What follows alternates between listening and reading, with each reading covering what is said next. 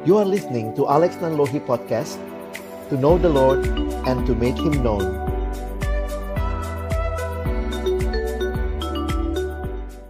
Selamat pagi Bapak Ibu sekalian. Saya bersyukur untuk kerja keras yang dilakukan oleh PSPPKM Dan juga dari uh, panitia Sinar UMC ini.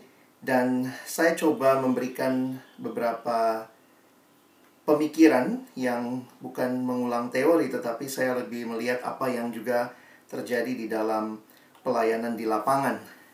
Saya coba melihat bahwa apa yang kita pikirkan bersama pada hari ini dan dari hasil survei dan presentasi analisa yang Ibu Astri sampaikan tadi sebenarnya gereja ataupun kita saya bicara gereja itu berarti uh, bukan hanya gereja dalam bentuk institusi tetapi saya belajar melihatnya secara lebih utuh ya, panggilan bagi setiap orang percaya.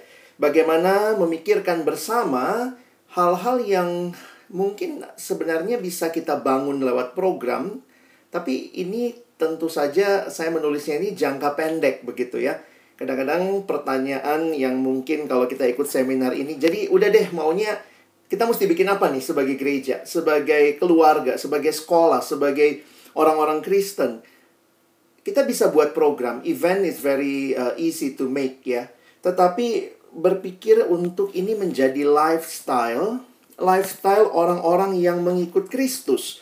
Bukan hanya program uh, orang-orang yang mengikut Kristus tetapi benar-benar menjadi kehidupan. Saya pikir itu yang harusnya uh, disampaikan oleh kita semua dalam uh, maksudnya kita tangkap untuk kita bangun di dalam pelayanan kita bersama seperti yang tadi diusulkan soal profetik tadi bagi saya adalah memikirkan bagaimana dari program yang event ini yang sebenarnya uh, faktornya jangka pendek lalu kita harus bikin lagi bikin lagi begitu ya menjadi sesuatu yang lebih sustainable dan itu benar-benar menjadi ciri khas hidup orang-orang Kristen lifestyle di dalam jangka panjang. Karena itu saya mengusulkan tiga hal yang uh, Eh, bisa kita pikirkan bersama yang kemudian harusnya juga uh, menjadi perhatian. Karena sekali lagi bikin event itu gampang banget. Gereja kalau event organizer tuh jago gitu ya. Ada sumber daya ada dana lalu uh, kita buat sesuatu yang event itu sangat mudah biasanya seperti itu. Tapi juga saya harus katakan tidak semua gereja. Ada juga gereja yang mungkin lebih kecil dengan resource yang terbatas juga jadi pergumulan tentunya. Nah, saya memikirkan tiga hal sebagai usulan untuk kita pikirkan dan untuk kita tindak lanjuti. Uh, sekali lagi waktu saya bicara gereja, saya memasukkan di dalamnya keluarga Kristen, ya itu sebagai unit paling kecil dari gereja, gereja dalam arti jemaat secara umum dan termasuk sekolah, khususnya mungkin sekolah Kristen. Ya, ini yang uh, saya pikirkan terus adalah tentang pemuridan ya tentunya dalam konteks gereja yang punya banyak generasi di keluarga juga yaitu pemuridan yang intergenerasi karena memang ada anggota-anggota yang beragam di dalam gereja. Mungkin mikirnya, wah udah ngomong jauh-jauh kok baliknya ke hal yang ini. Karena bagi saya ini sangat mendasar dalam satu buku yang ditulis oleh Grant Skeldon. Buku yang berjudul The Passion Generation. Dia seorang pendeta milenial dia menuliskan buku ini. Uh, kami sudah coba terjemahkan menjadi buku yang bisa menjadi acuan. Bagi saya menarik sekali dia bicara masalah generasi ini, termasuk semua masalah lain. Orang muda yang kurang passionate, kurang care, kayaknya kelihatannya egois. Tapi dia mencoba melihat sebagai ini generasi yang sebenarnya penuh dengan hasrat. Dan apa yang jadi tesis mendasar dia bagi saya menarik ya Waktu dia bilang bahwa kita sering kali bicara soal milenial, orang muda, kita menanggapi mereka, anak-anak sekarang kurang ini, kurang itu. Everyone is talking about millennials, but no one is listening to them. Dia sendiri sebagai seorang yang melewati proses itu, di awal bukunya dia memberikan beberapa wajah karikatur ini yang dia katakan orang-orang ini Tuhan pakai memuridkan saya. Nah, saya agak kaget juga pertama kok ada Charles Spurgeon, emang dia seumur berapa ya? Ada Martin Luther, ya tentunya dia dimuridkan dengan tulisan-tulisan oleh mereka, tetapi orang yang berkesan bagi dia yang kiri atas itu Kevin Batista, yang membawa satu pembaharuan ketika sebagai generasi yang lebih tua dia memuridkan Grand Skeldon. Sehingga tesis dasar buku ini sebenarnya cuma ini Bapak Ibu ya.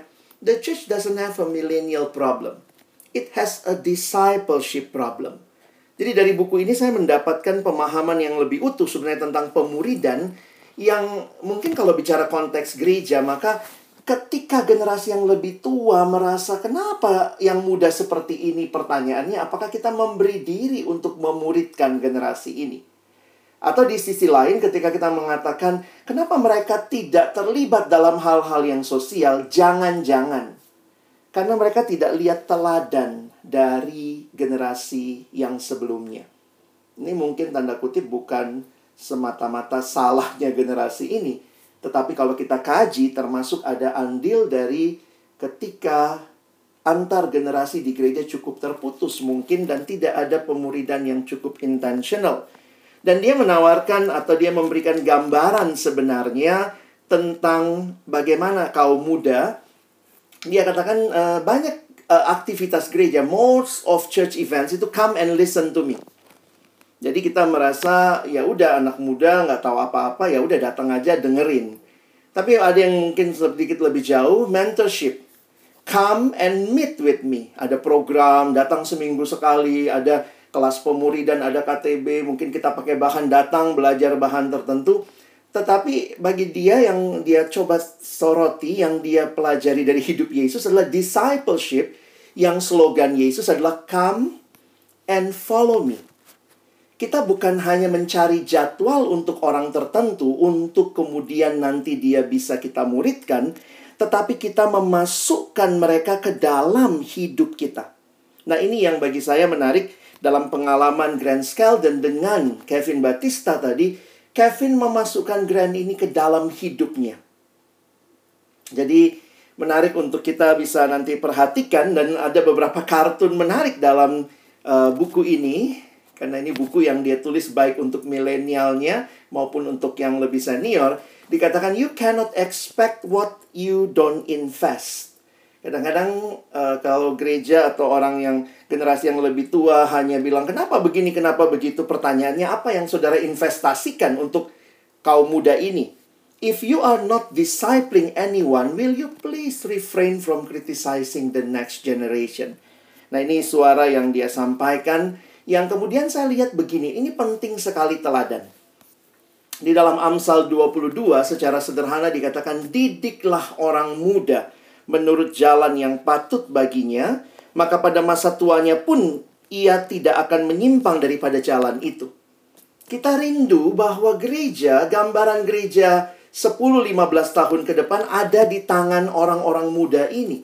Apa yang kita akan shape dalam hidup mereka? Kata didiklah di dalam terjemahan bahasa Inggris misalnya tidak hanya menggunakan kata teach, bukan hanya mengajarkan pengetahuan tetapi train up a child.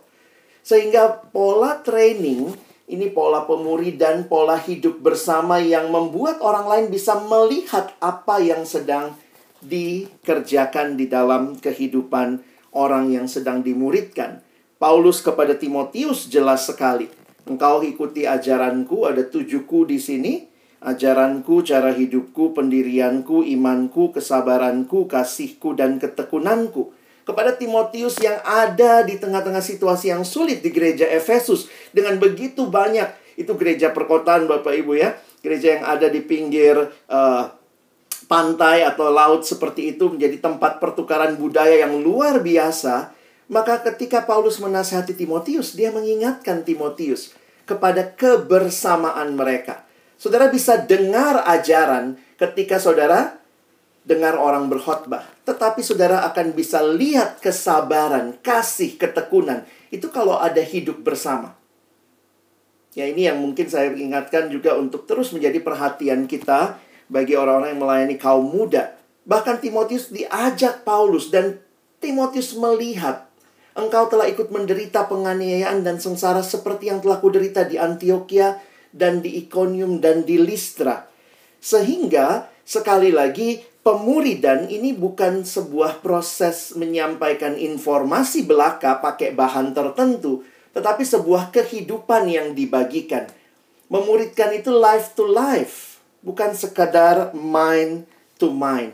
It's a process of journeying together, berjalan bersama. Prinsip yang juga di dalam mentorship sekarang dalam bisnis aja pakai mentorship gitu ya. Saya pikir padahal itu sebenarnya hartanya gereja, kekayaan gereja yang kita lebih dalam, discipleship. Makanya sebenarnya tempat paling sederhana mulai dari rumah Bapak Ibu Saudara sekalian ya. Saya melakukan, kamu melihat. Saya melakukan, kamu bantu. Kamu melakukan, saya bantu. Dan kamu melakukan, saya kemudian melihat ya. Kalau kita yang Kristen tambahin, saya mendoakan. Begitu ya. Mengalami, dilibatkan, dan diutus. Jadi warisan terbaik bagi generasi muda adalah teladan yang baik dari generasi yang lebih tua. Sehingga dari titik ini saya pikir gereja yang tentunya juga memikirkan dengan baik memuridkan generasi ini bagi masa depan gereja harusnya juga menciptakan ruang perjumpaan. Tadi seperti yang Ibu Astri sampaikan, memang jelas sekali bagaimana ada modal generasi ini yang tidak terlalu tersekat-sekat dengan berbagai keberagaman. Anak sekarang sudah terbiasa dengan keberagaman. Tetapi kemudian juga gereja yang mungkin sangat eksklusif harus juga bisa menolong. Saya bicara sekali lagi gereja bukan hanya gereja institusi, tapi juga keluarga. Panggilan kita adalah garam dunia dan terang dunia. Menarik sekali Tuhan tidak bilang kamu garam, kamu terang, tidak. Tuhan katakan kamu garam dunia. Kamu terang dunia. Kita dikasih konteks di mana kita hadir. Sehingga kita harus memperhatikan kondisi dunia. Garam jangan cuma kumpul sama garam jadi gudang garam, Saudara ya. Tapi di sini kita melihat panggilannya di mana. Kalau Bapak Ibu ada dalam gereja perkotaan, maka bagaimana kita membangun kesadaran melihat kebutuhan yang ada di perkotaan. Dalam serial khotbah Paulus dengan judul The Tales of uh, uh, serial khotbah John Stott ya, dia mengangkat kisah Paulus melayani di kisah Rasul judulnya The Tales of Four Cities. Dia mengatakan bahwa salah satu contohnya tantangannya adalah pluralism tentang agama, ras, golongan. Tetapi apa yang dia tawarkan ya? Ketika melihat jemaat Filipi misalnya, Injil itu bersifat universal. Bayangkan, ada budak perempuan, ada Lydia. Lydia itu golongannya agak atas, ada budak perempuan, ada prajurit Romawi yang menjadi kepala penjara. Injil bersifat universal, Injil bersifat mempersatukan. Dan seharusnya ini bisa kelihatan di dalam gereja yang memberikan kesempatan juga untuk ada ruang-ruang perjumpaan seperti ini. Bisa jadi mereka tidak pernah tahu apa yang terjadi di sekitarnya atau mungkin dalam gereja bisa kita lihat di sekitar gereja apa kebutuhan. Mungkin ada masalah kemiskinan, ketidakadilan, atau masalah-masalah perbedaan yang seharusnya bisa menjadi bagian yang kita bangun juga di dalam diri orang muda untuk memiliki ruang-ruang perjumpaan bersama-sama dengan apa yang ada di sekitarnya. Dan yang terakhir, ya, ini lagi ya, memberikan kontribusi. Bapak Ibu Saudara sekalian, apakah gereja itu? Kalau gereja hadir di tengah dunia, maka kalimat Tuhan Yesus menarik. Terangmu bercahaya di dalam dunia kita butuh pemahaman yang lebih lengkap, lebih utuh tentang gereja.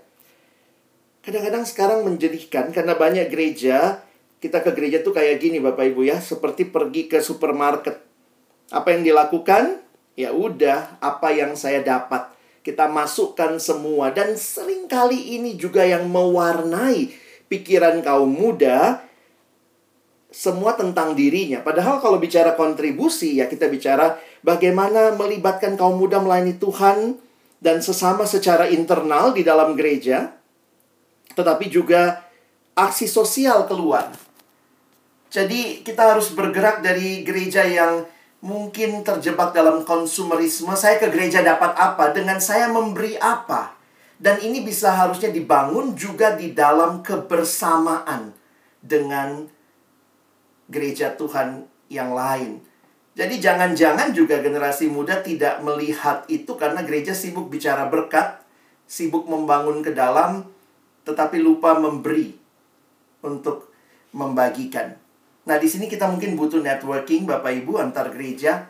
Mungkin tidak masalah gereja yang tadi misalnya sanggup melakukan salah satu tipologi tadi. Maka silahkan lakukan itu, tetapi ketika itu dilakukan bisa saja misalnya ada gereja tertentu dengan sumber daya yang cukup banyak bikin bimbel. Ya udah, nanti undang gereja lain yang punya anak muda untuk bantu bimbel saudara. Tidak tidak mesti semua gereja bikin bimbel begitu ya. Nanti gereja berubah jadi bimbel. Tapi ini jadi pertanyaan yang penting, apakah juga kita hanya sibuk membangun gereja kita, networking kita seperti apa? Dan juga secara individu. Keluarga, saya ingat sekali kenapa saya banyak bicara teladan keas ke, kepekaan sosial saya diasah salah satunya ketika saya dimuridkan pada waktu SMA. Setiap kali kami ulang tahun bersama, biasanya pemimpin KTB saya itu ajak kita gini, "Yuk, ulang tahun kali ini pikirannya bukan saya dapat apa, tapi apa yang bisa saya berikan. Dan saya ingat waktu itu kami kumpul uang bersama, kami datang ke panti anak cacat, beberapa kali ulang tahun di uh, panti asuhan, sehingga membangun semangat bukan saya dapat apa. Kalau gereja hanya sibuk mikirin ke dalam saya dapat apa, kita jadi lupa bahwa tentunya ketika kita diberkati, kita pun dipanggil menjadi berkat. Networking penting. Tidak semua yang Bapak Ibu dengar harus dilakukan di gereja saat ini ya. Bagaimana? Mari kita bernetworking. Kalau Bapak Ibu tertarik membangun kesadaran bela negara, ada teman-teman dari Benaran Indonesia. Melayani anak-anak marginal dan segala macam, saya pikir Indonesian Care juga memfasilitasi kita untuk berkumpul bersama dan bahkan bisa menolong gereja juga mungkin menjadi tempat di mana anak-anak mudanya bisa magang mungkin ya untuk mengasah kepekaan sosial. Ada lembaga seperti sahabat anak yang melayani anak-anak jalanan. Dan ini juga bisa menjadi partner gereja. Jadi bukan berarti gereja harus mewadahi, memfasilitasi semuanya. Dan termasuk juga teman-teman yang ada di World Vision. Mereka yang secara khusus memang punya program-program untuk pelayanan seperti ini. Jadi tiga hal ini pemuridan, lalu kemudian kita juga punya Uh, yang kedua tadi adalah memahami kondisi di sekitar kita, ada ruang perjumpaan, dan kiranya yang terakhir kita juga bisa menjadi orang yang berkontribusi, bukan hanya mendapatkan apa, tetapi memberikan apa. Terima kasih, Tuhan memberkati.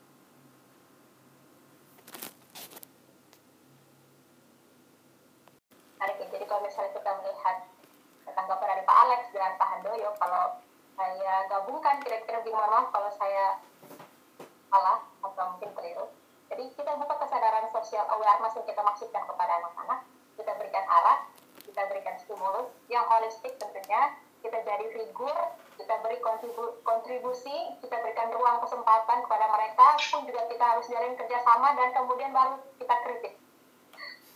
Kritik. Karena tadi Pak Alex katakan, do not criticize unless you give your contribution unless you take an action to disciple. Thank you Pak Handoyo untuk tanggapannya. Baik Bapak Ibu, uh, mari kita masukkan pertanyaan, pendapat, masukan paling selido yang ada di kolom chat. Jangan lupa cantumkan kepada siapa pertanyaan itu ditujukan. Dan sebelum kita masuk ke sesi tanya jawab Bapak Ibu, mari kita simak dulu pengumuman berikut. Masih ada satu pengumuman. Sudah pengumuman tadi selesai apa?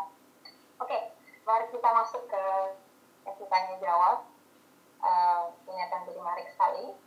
Panitia akan menampilkan pertanyaan di layar kita dan tanya. Kita akan sama-sama. Oke, baik ini pertanyaan pertama. Apakah yang menyebabkan kesadaran pemuda hanya sekedar opini perasaan dan aktivitas sederhana dan belum pada tindakan yang rela berkorban. Bukankah pemuda dikenal punya jiwa atau semangat berjuang? Ini tidak ada keterangan ya ditujukan kepada siapa pertanyaan ini, tapi saya minta tidak dibahas untuk menjawabnya bisa. Ayo ya. Iya bu. Ya sebenarnya eh, betul sih pemuda dikenal punya jiwa semangat berjuang tapi jiwa semangat itu kan masih dalam tataran rasa tataran uh, pikiran, bisa juga tataran, ya tataran perasaan, gitu, tataran afeksi. Ada perjalanan yang cukup panjang untuk membuat itu bisa diwujudkan gitu. Jadi saya rasa Pak Alex dan Pak Andrea juga banyak bicara tentang misalnya uh, menciptakan ruang, ya ruang untuk apa? Ruang untuk mencoba, ruang untuk berlatih, ruang untuk uh, melakukan supaya uh, perasaan dan opini itu bukan hanya pada tataran uh, uh, perasaan tapi bisa dia lakukan. Itu dalam banyak teori-teori transformasi itu transformasi hanya bisa terjadi ketika orang punya ruang untuk mencoba ya. Uh, bahkan bukan cuma coba tapi ditambah lagi dengan ada modelnya. Ada ada ada model yang membuat dia bisa meniru awalnya tapi kemudian dia bisa melakukannya dengan dengan bebas dan bahkan secara konsisten terus menerus uh, dia lakukan dalam berbagai bidang uh, berbagai konteks-konteks yang berbeda gitu jadi ini yang dari tadi kita uh, bicarakan gitu bahwa harusnya anak-anak muda itu diberikan kesempatan gitu supaya mereka bisa memunculkan apa yang mereka rasakan mereka pikirkan itu dalam tindakan nyata. Thank you Ibu. Betul. Dari tadi juga banyak ya ditekankan tentang ruang kesempatan diberikan kepada anak muda dan hasil penelitian kita kan juga menunjukkan itu. Semakin tinggi kesempatan diberikan kepada anak muda semakin tinggi juga tindakan yang mereka uh, lakukan dalam hal social awareness ini. Baik Pak Alex mungkin Pak berikan tanggapan Pak Pak. Saya pikir cukup ya. Sudah okay. sepakat. Baik baik. Pak. Pak Andoyo mungkin Pak? Belum kita masuk ke pertanyaan berikutnya Ya, saya, saya rasa sih setuju dengan Bu Astri. Memang uh, untuk menerap, untuk bisa sampai kepada tindakan perlu satu ruang untuk kaum muda, gitu ya, kesempatan untuk mereka mencoba. Baik, thank you Pak. Kita langsung saja ke pertanyaan kedua dari panitia. Nah, ini untuk Pak Alex Pak. Sangat menarik ketika Bapak menyampaikan perlunya ruang perjumpaan diciptakan kepada kaum muda. Bagaimana cara menciptakan ruang perjumpaan? Wah, akhirnya mesti jawab juga ya karena pertanyaan buat saya. Thank you. Ini pertanyaan yang juga sebenarnya uh, banyak jadi pergumulan buat saya sendiri. Cuma akhirnya saya melihat setiap orang pasti punya pertama kalinya. Nah, banyak anak muda tuh nggak punya pertama kalinya karena mungkin nggak pernah diajak. Misalnya kita bayangkan anak muda langsung tuh ke pelayanan penjara. Wah, nggak pernah tuh Nah, makanya mungkin yang lebih senior, yang lebih uh, lebih tua generasinya coba bisa mengajak pelayanan ke penjara. Saya ingat juga beberapa kali ketika dulu mulai dengan pelayanan ke rumah sakit untuk penginjilan gitu ya. Itu uh, berarti kan harus ada mungkin pelatihan yang dibuat, tapi kemudian di, di, dijumpakan dengan yang sakit gitu ya. Karena di pelatihan tuh kita wow udah bisa ngomong. Pas sampai ke orang sakitnya saya ingat saya sama teman saya tuh dorong-dorongan, lu yang ngomong, lu yang ngomong. Terus akhirnya dia yang mulai ngomong, e, e, bapak bapak sakit ya? Ya iyalah, makanya di rumah sakit gitu ya. Tapi kesempatan untuk mencoba dan bahkan bertemu dengan orang yang berbeda. Saya lihat ada beberapa teman di sini juga yang saya lihat punya anak yang mungkin masih remaja atau masih anak-anak. Itu ada yang bikin kayak uh, peace train ikut itu ya. Uh, kereta damai, misalnya jalan-jalan dari dengan teman yang berbeda. Karena buat beberapa anak yang mungkin tidak pernah ke sekolah yang non-Kristen, tahu-tahu waktu kuliah masuk kampus ngelihat teman yang maaf berkerudung langsung kaget gitu. Wih, kok ada orang berkerudung? Karena seumur hidup mungkin dalam pengalaman sekolahnya dia nggak pernah berjumpa. Jadi itu perlu diciptakan dan diberi kesempatan pertama kali. Saya pertama kali ke pelayanan rumah sakit, pelayanan penjara, pelayanan itu karena ada yang ngajak gitu. Saya sebagai anak kecil kan nggak punya channel ke sana. Mungkin itu sih kalau secara sederhana. Thank you. Thank you Pak untuk uh, jawabannya. Ingat Pak, pengalaman saya waktu di gereja juga. Anak-anak tuh waktu diajak pertama kali memang agak ogah-ogahan kan tapi ketika sudah diajak nextnya mereka yang nanya kak kapan lagi ini kapan lagi iya, itu benar. itu benar banget. Betul kak. Itu the power of experience ya pak ya. Yang orang betul. pengalaman emang. Iya. Yeah. thank you. Uh, mari kita lanjutkan saja ya ke pertanyaan berikutnya. Baik. Jika ini jika berarti ya. Jika kaum muda kesadaran sosial sangat tinggi mengapa masih ada aksi intoleransi perusakan makam Kristen oleh anak-anak di Solo. Apa yang salah? Anak-anaknya, komunitasnya, atau pemimpinnya? Jadi tidak disertakan uh, kepada siapa pertanyaan ini.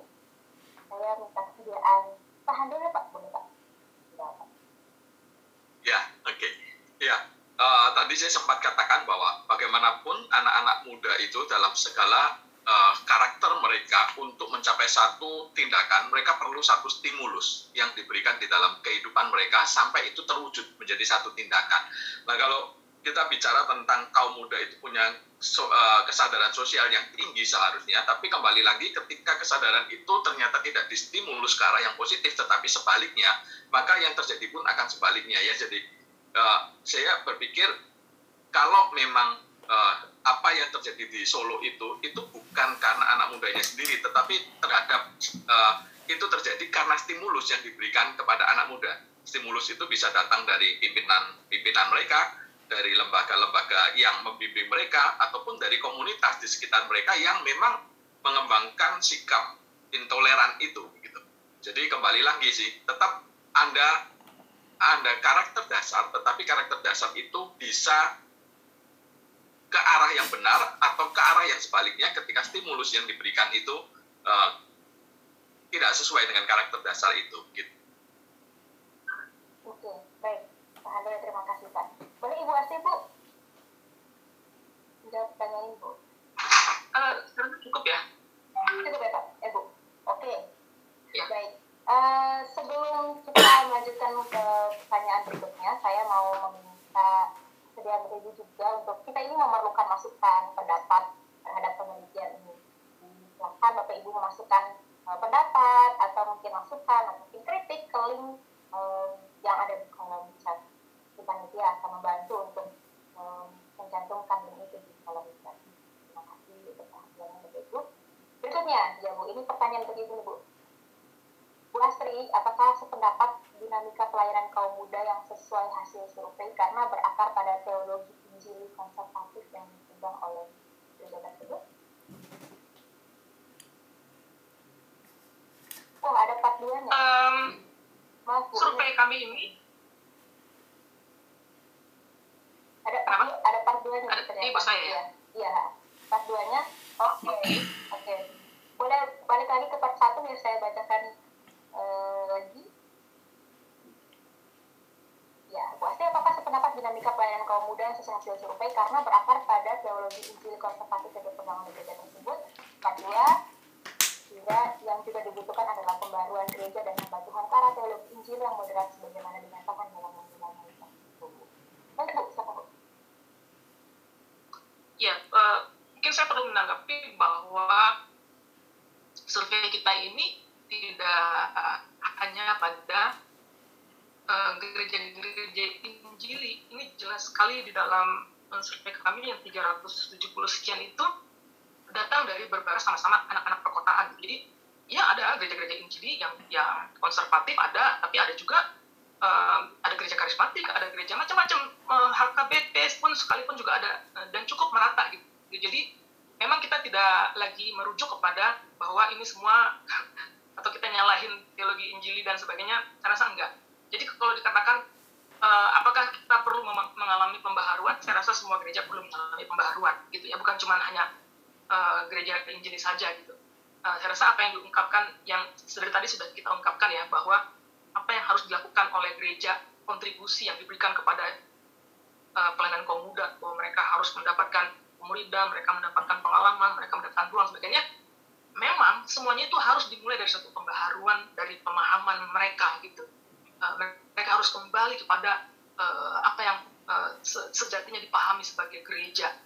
Uh, uh, siapa gereja di tengah-tengah dunia ini? Apa misi Allah bagi mereka sebagai gereja? Baru mungkin kita bisa uh, membuat list sebanyak-banyaknya tentang apa yang bisa kita kontribusikan kepada anak-anak muda. Gitu deh. Oke, itu Bu. Thank you, thank you Bu. Uh, baik kita masuk saja ke pertanyaan berikutnya ya.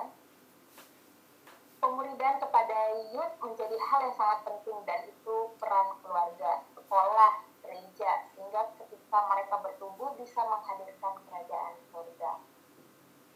Ini pertanyaan atau tanggapan? Mungkin ini pendapat ya, atau dapat kayak ini pendapat. Oke, terima kasih untuk Bapak Ibu yang sudah memberikan pendapatnya. Nah, ya ini untuk Ibu Astrid lagi, Bu. Ibu, tolong dielaborasi lebih lanjut, Bu, tipologi keempat. Apa keterkaitan dengan program dan kebutuhan kaum muda? Bagaimana Center di antara non-Kristen? Dari Jamie Hannah. Ya, eh, di tipologi empat itu paling tidak yang yang dipahami oleh eh, Arzola ya, dia justru dia tidak setuju kepada gereja-gereja urban yang mengkotak-kotakan hanya mikirin program, hanya mikirin perkembangan pemuda atau hanya membawakan kritik kepada eh, kepada apa, kepada society enggak.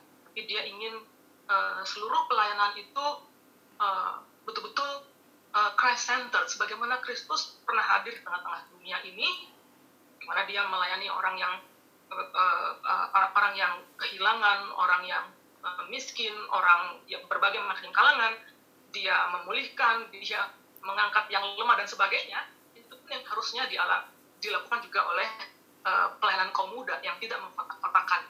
Jadi bagaimana Christ center di antara non Kristen? Tentu mereka juga harus mengalami karena Injil itu kan bukan hanya dibagikan secara verbal, tetapi dialami juga oleh oleh eh, oleh banyak orang gitu. Orang yang orang bisa saja tidak tidak paham siapa itu eh, Kristus, tapi kan dia bisa saja mengalami kasih yang dibawa oleh anak-anak muda, entah program apa itu lewat program bisa saja gitu ya.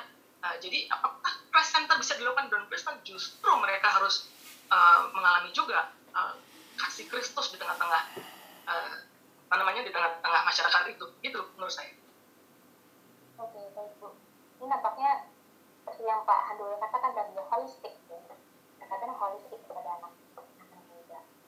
Oke, terima kasih Bu. Pak Alex mungkin Pak, gimana Pak?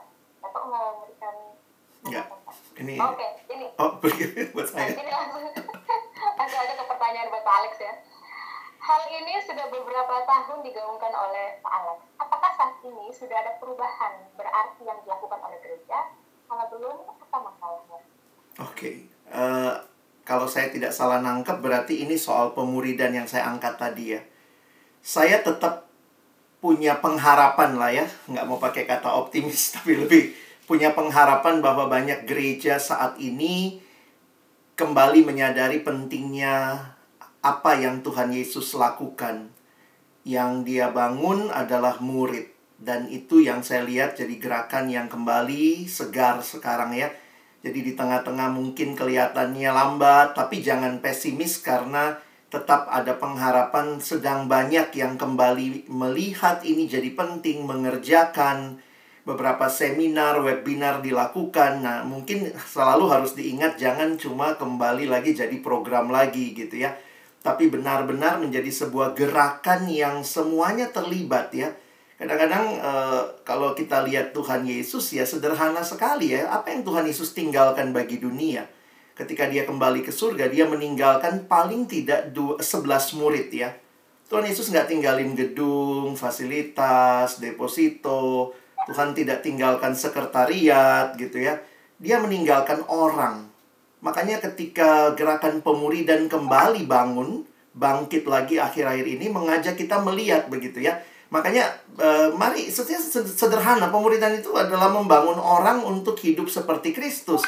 Dan kalau hidup seperti Kristus, maka seminar webinar kita ini itulah hidup seperti Kristus salah satunya dia punya awareness bahkan action untuk orang-orang yang tidak kenal Tuhan. Di di tengah dunia yang hancur ya dia harus jadi garam di dunia, terang di dunia. Jadi eh, ini bukan hal yang yang yang Bapak Ibu jangan kemudian merasa ini kok digaungkan tapi sedang terjadi. Saya tetap meyakini itu karena Tuhan pun sedang terus membaharui gerejanya. Thank you. Thank you, Pak Alex. Saya jadi ingat lagu Betul, lagunya Kak Astri itu inget banget ya.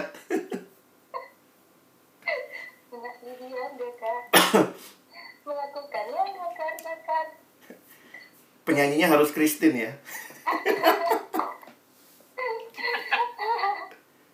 Oke, terima kasih ya, Pak Oke, ini buat Pak Alex lagi nih Pak. Ada lagi nih Pak. Dapatkah kesadaran sosial dibangkitkan melalui pelayanan katetisasi Bagaimana implikasinya Pak?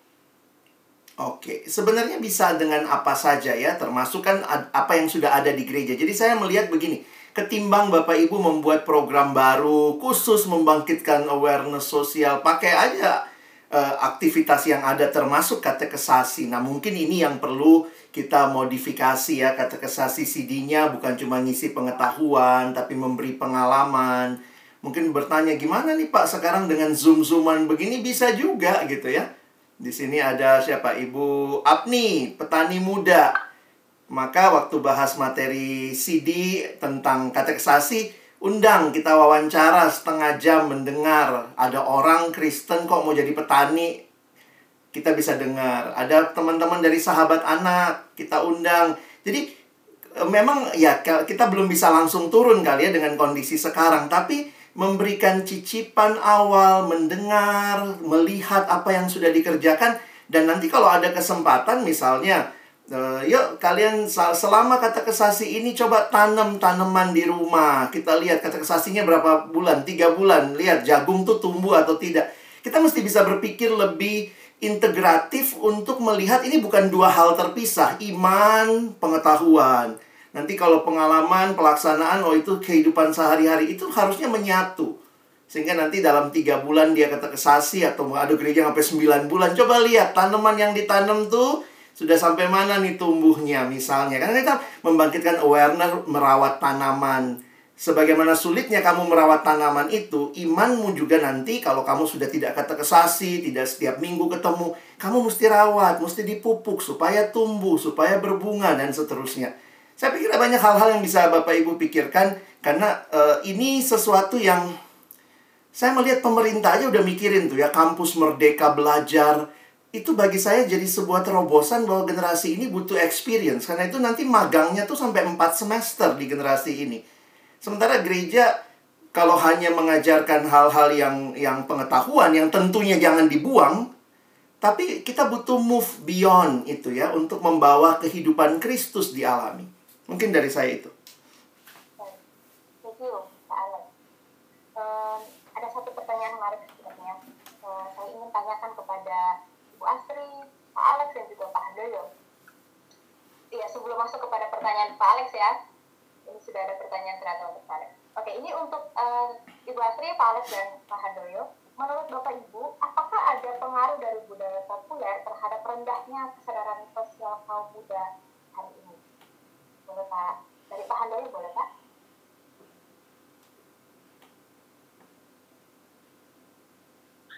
Iya, eh, menurut saya sih kalau budaya populer itu kan memang memang disukai oleh anak-anak muda ya.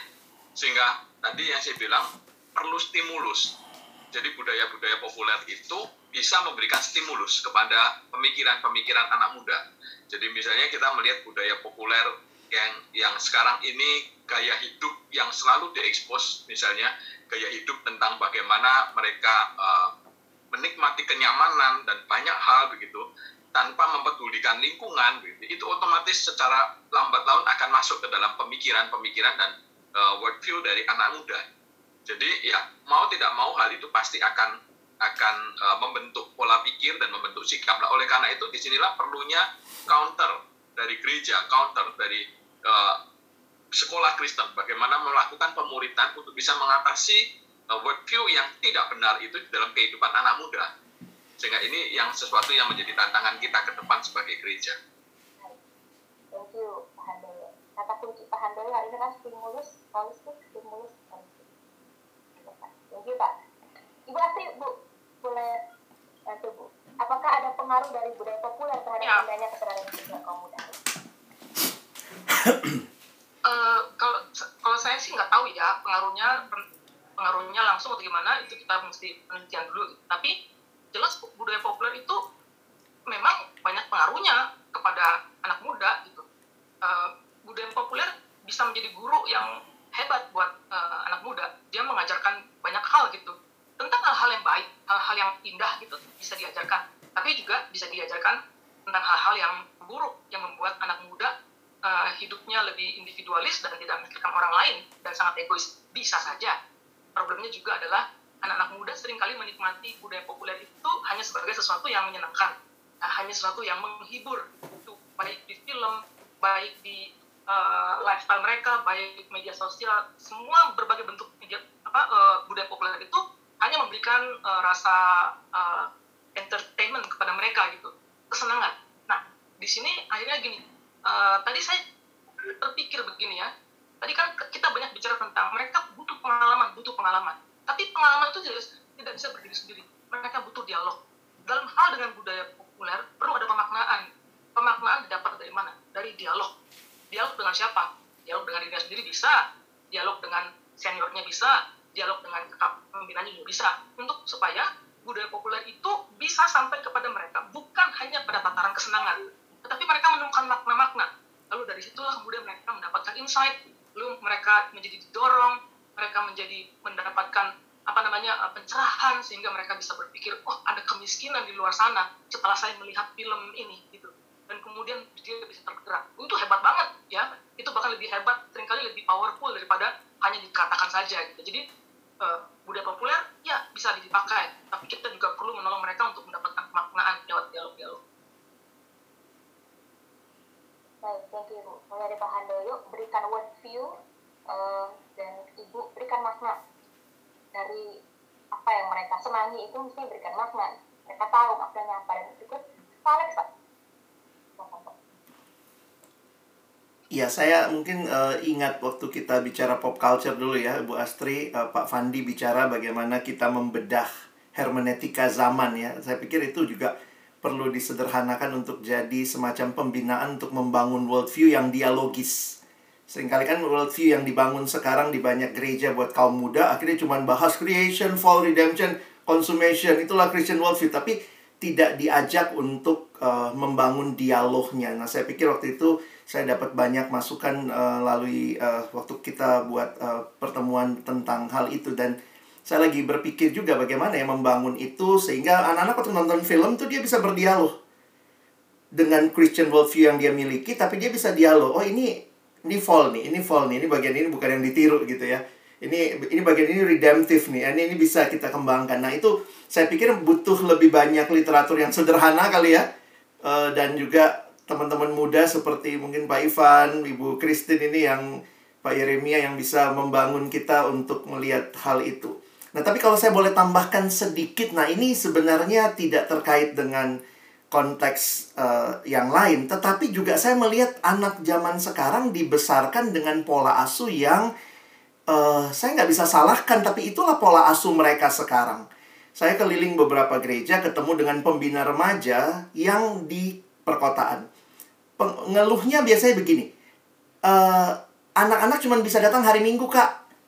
Bener ya, karena sekarang gereja perkotaan dulu kan orang tuanya kalau generasi pertama kedua tuh rumahnya masih deket gereja ya terus kena penggusuran jual tanah di kota pindah ke daerah. Jadi beberapa teman-teman yang hamba Tuhan di gereja itu yang punya pemuda remaja tuh hanya ketemu anaknya seminggu sekali di hari Minggu.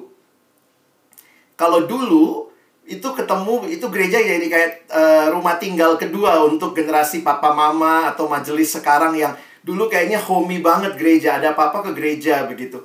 Nah itu aja udah menciptakan uh, saya saya coba throw up uh, hal yang saya lihat ini untuk kita berpikir bersama bagaimana membangun uh, apa ya kehidupan orang muda yang tetap bisa aware gitu. Lalu yang kedua anak-anak zaman sekarang itu mulai ya kita tahu lah ya betapa mengerikannya kota punya anak di kota itu orang tuanya double thinking gitu untuk gimana keamanan anak saya. Nah waktu zaman Dulu orang tuanya mungkin terbiasa naik angkot. Sekarang nggak banyak orang tua izinin anaknya naik angkot. Nah, sehingga hal-hal seperti itu uh, ya nggak janganlah sampai anak gua naik angkot tadi dia dicolek, dilecehkan atau apa. Sehingga beberapa anak itu bergantung sama uh, supir antar jemput. Nah, jadi kita mesti bisa melihat benar saya saya pikir uh, yang Pak Handoyo bilang tadi juga harus kita kritisi sejauh mana awareness yang kita mau mereka miliki. Karena realita hidupnya pun dia nggak nggak hidup dalam masyarakat. Kadang-kadang nggak pernah injek tanah anak-anak ya. Injeknya semen doang gitu ya. Karena nggak pernah ketemu tanah gitu ya. Naik mobil turun mobil di sekolah di langsung depan pintu sekolah. Nah jadi kita mesti berpikir nih. Kalau dulu kita bilang, wah anak dulu tuh inisiatifnya tinggi. Nah sekarang mungkin mereka bukannya nggak inisiatif, tapi mereka memang sudah hidup dengan situasi itu. Nah karena itulah ruang perjumpaan yang disengajakan, yang kita buat seperti yang mungkin kita alami dulu, itu akan menolong. Jadi jangan dulu menghakimi mereka nggak punya social awareness, padahal pola kita membesarkan mereka juga sebenarnya membuat mereka agak terasing dengan dunia di mana mereka hidup.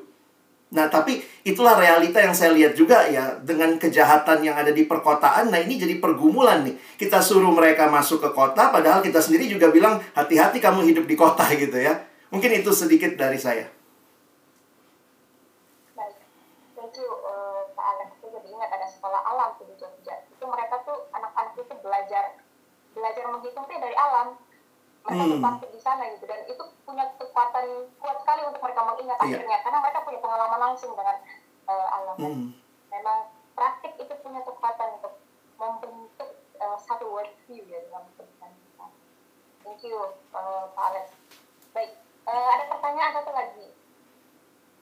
Boleh ditampilkan. Makanya tadi ada tips-tips gitu ya. Mempertanyakan tentang tips saya mau tanyakan kepada Handoyo, Ibu Astri, dan Pak Alex juga nih pertanyaan ini. Ini pertanyaan untuk Pak Alex, tapi nanti saya juga meminta uh, Bu Astri dan Handoyo untuk tips-tipsnya. Mohon masukan bagaimana tips-tipsnya meningkatkan komunitas pergaulan lintas sara anak muda menjadi sebuah komunitas yang ya. Boleh silakan. Alex mungkin? Uh, saya mungkin udah kebanyakan ngomong, saya pikir yang lain dulu deh. Oke, ya, thank you. Bahkan.